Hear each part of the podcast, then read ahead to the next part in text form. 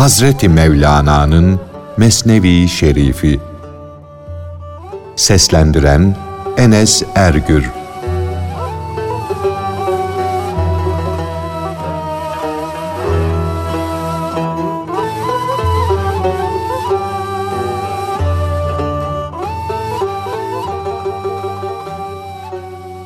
Musa aleyhisselamın Cenabı Hak'tan zalimlerin galip gelmelerindeki sırrı sorması.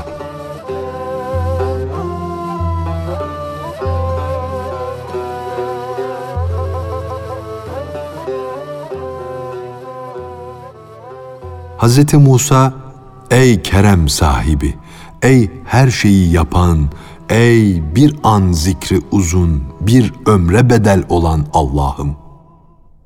Ben su ve çamurdan yaratılmış olan insanlarda eğri büğrü bir takım nakışlar, yani kötülükler ve kötü işler gördüm de kalbim Adem'in yaratılışına melekler gibi itiraz etti. Allah'ım maksadın nedir? Hikmetin sebebi ne? Balçıktan bir şekil yarattın, ona da fesat, bozgunculuk tohumu ektin zulüm ve fesat ateşini alevlendirip mescidi de secde edenleri de yakmakta ne hikmet var? Bir yalvarış için kanlı gözyaşlarını coşturmanın manası ne? Ben bunların aynı hikmet olduğunu biliyorum.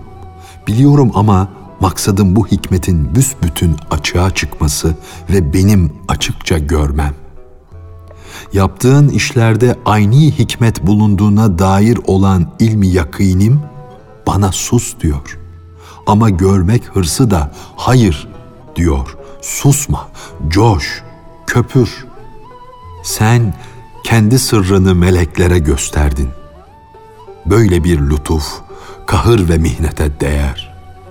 Adem'in nurunu yani üstünlüğünü meleklere açıkça gösterince zorluklar çözüldü.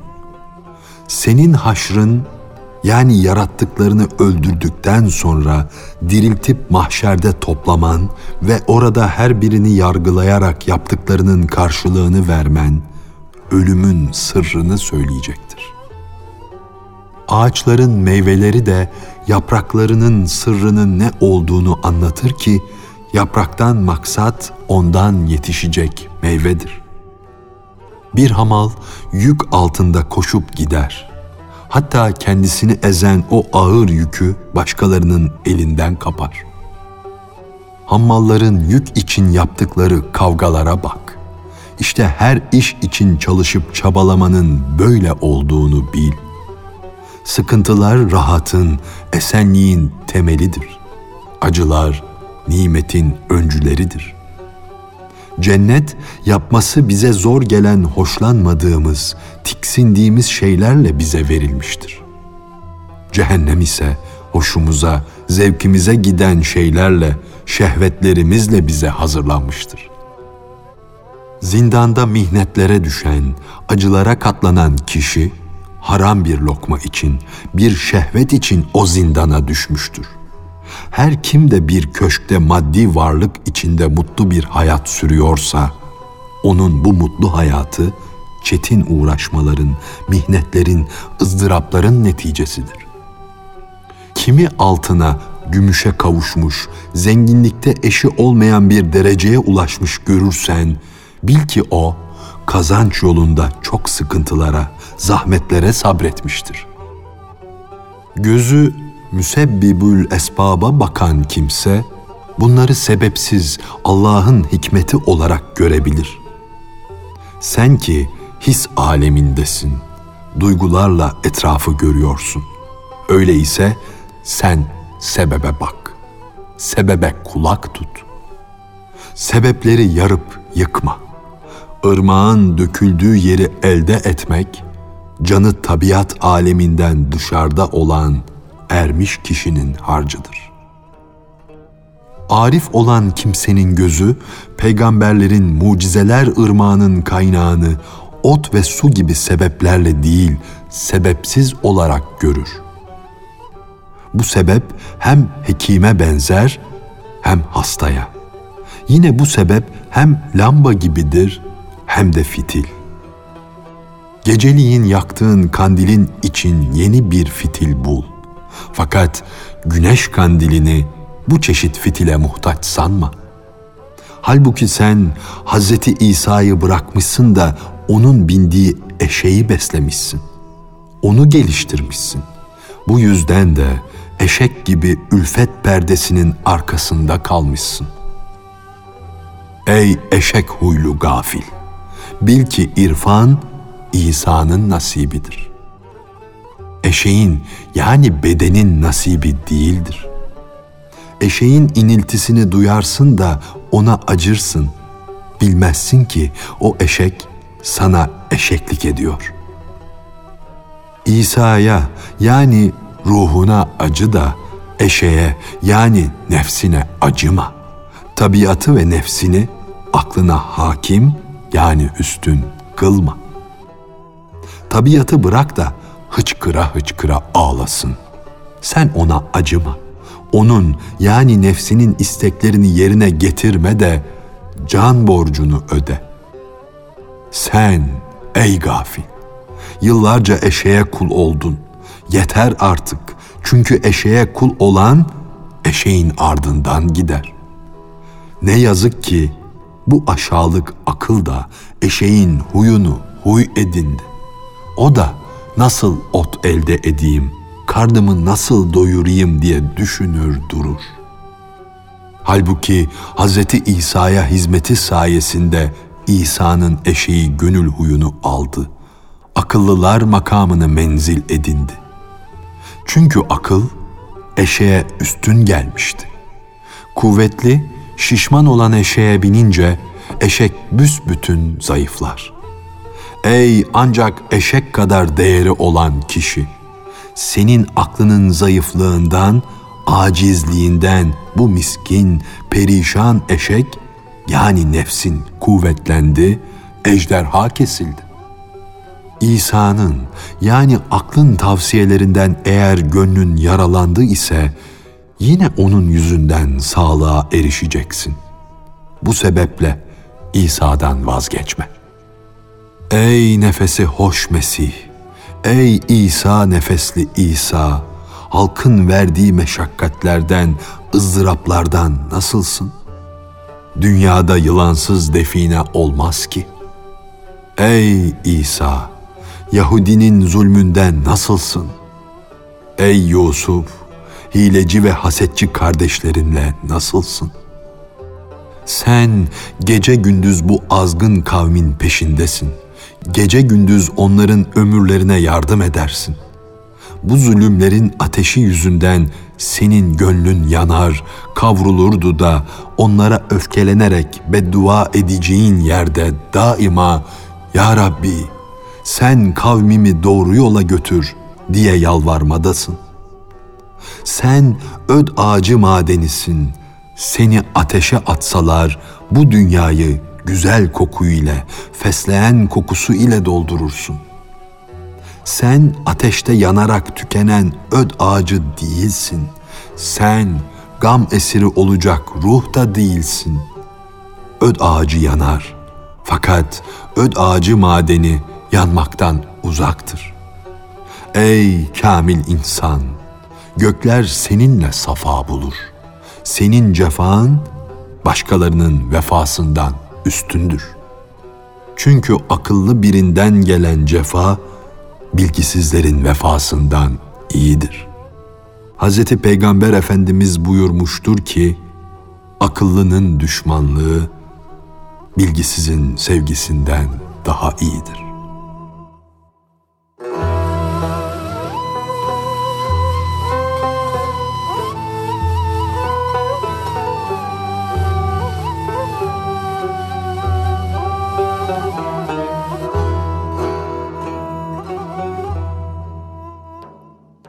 Bir emirin ağzına yılan kaçan birisini incitmesi.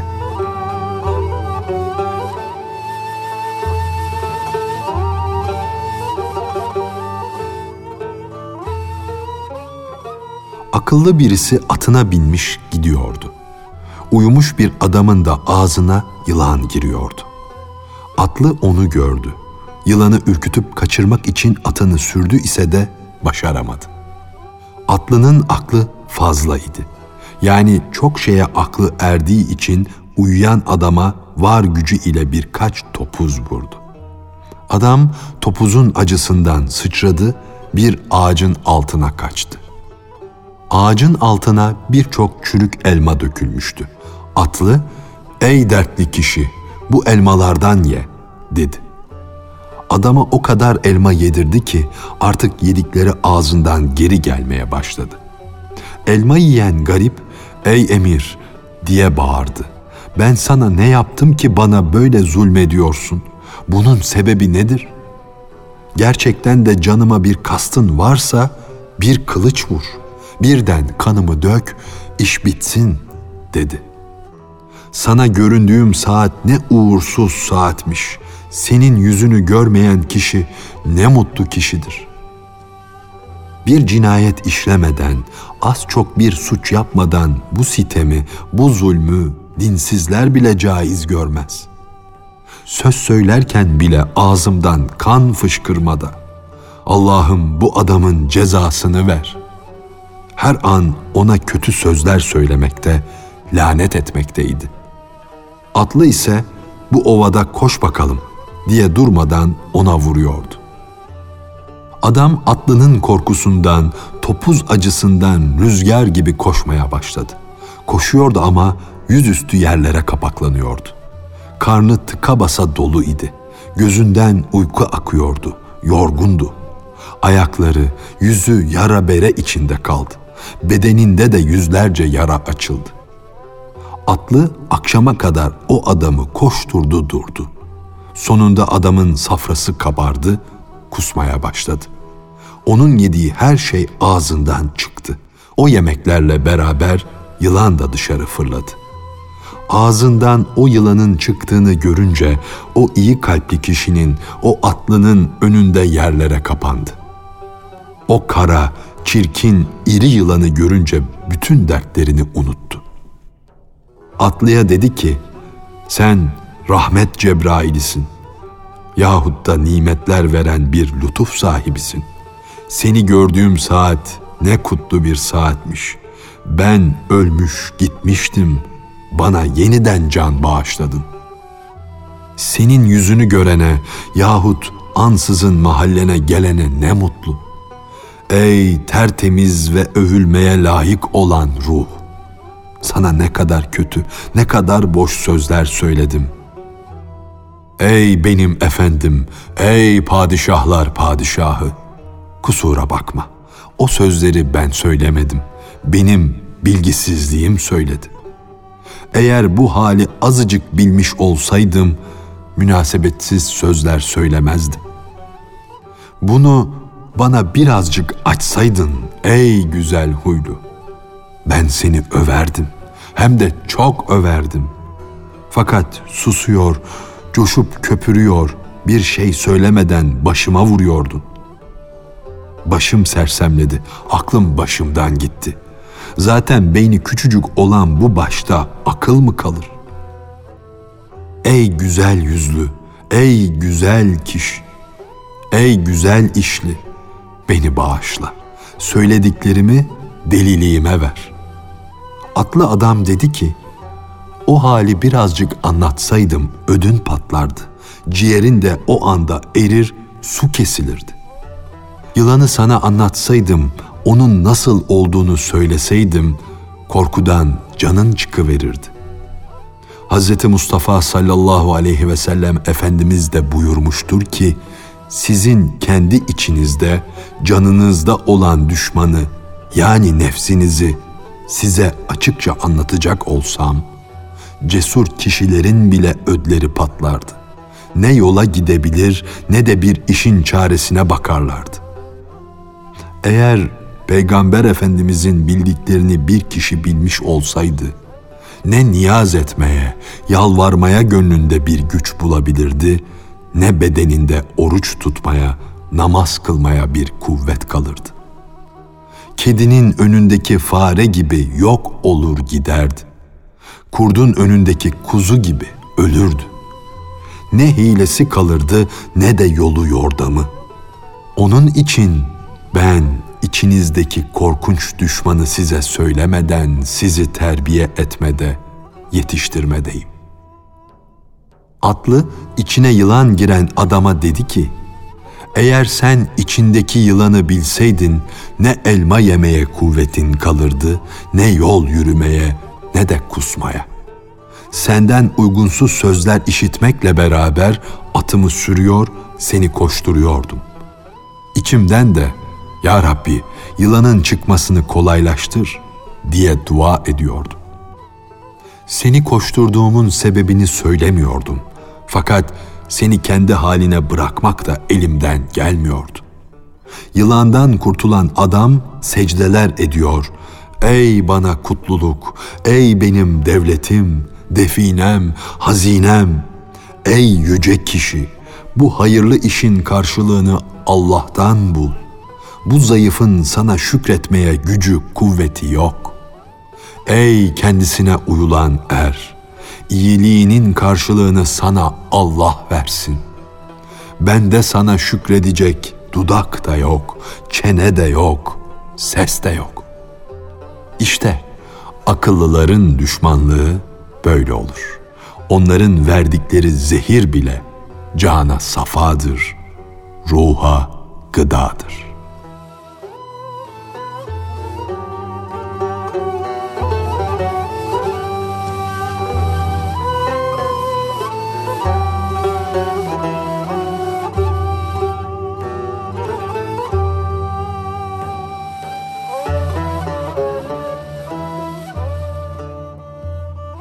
Bir adamın ayının yaltaklanmasına, vefasına güvenmemesi.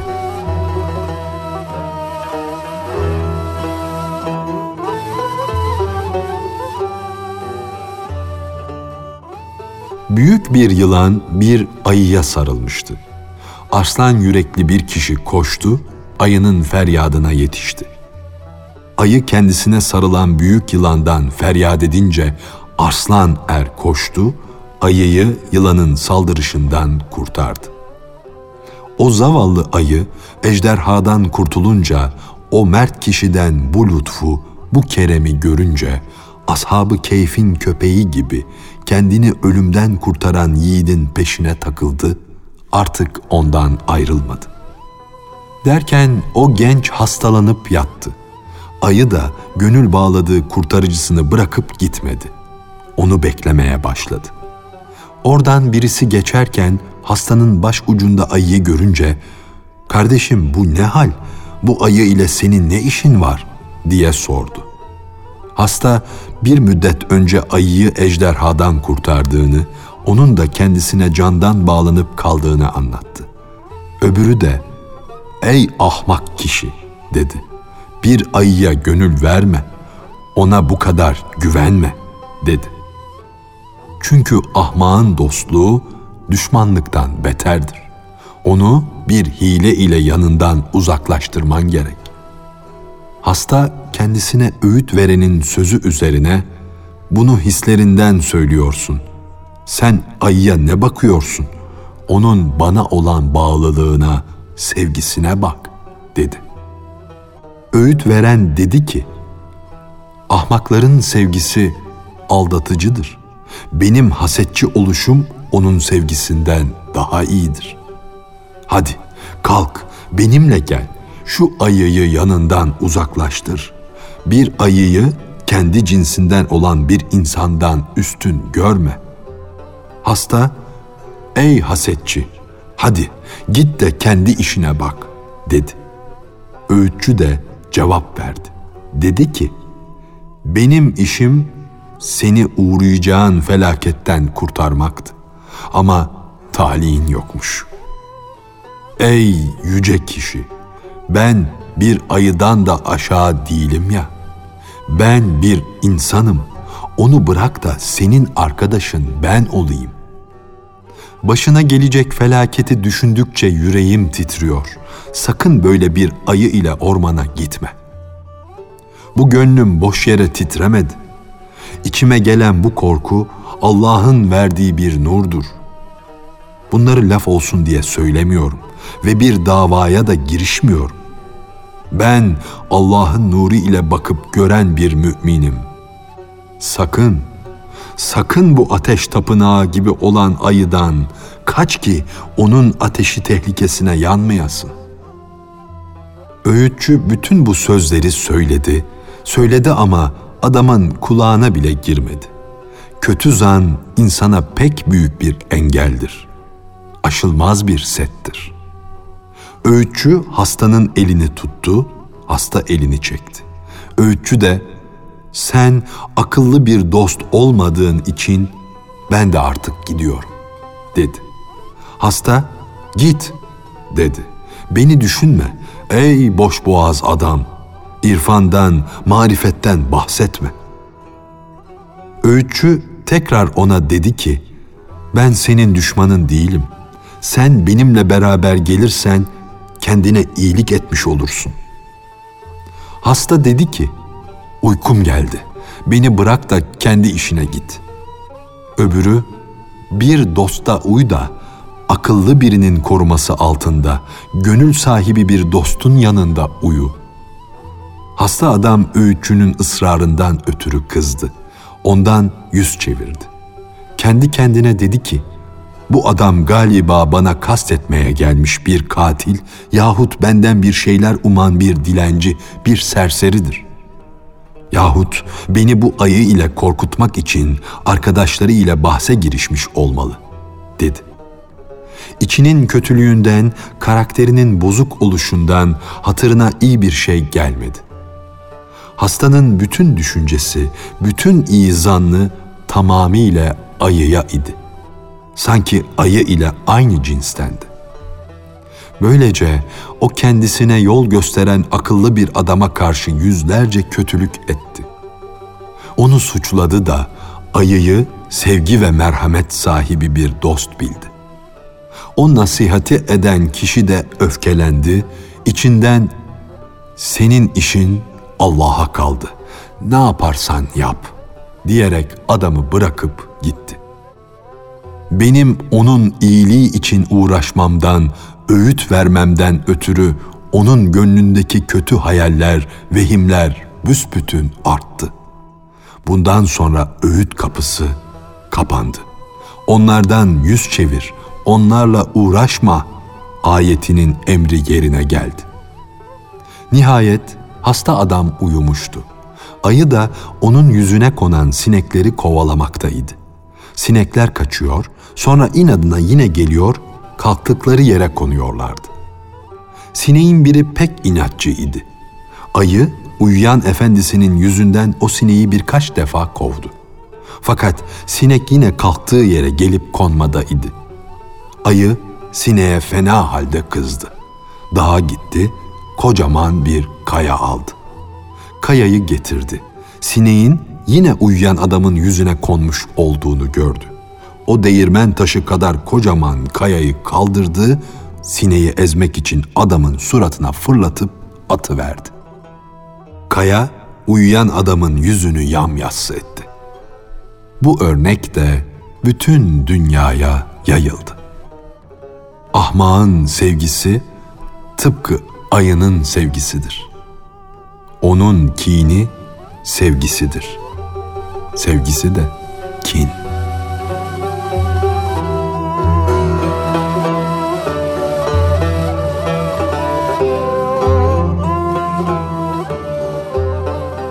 Hazreti Mevlana'nın Mesnevi Şerifi Seslendiren Enes Ergür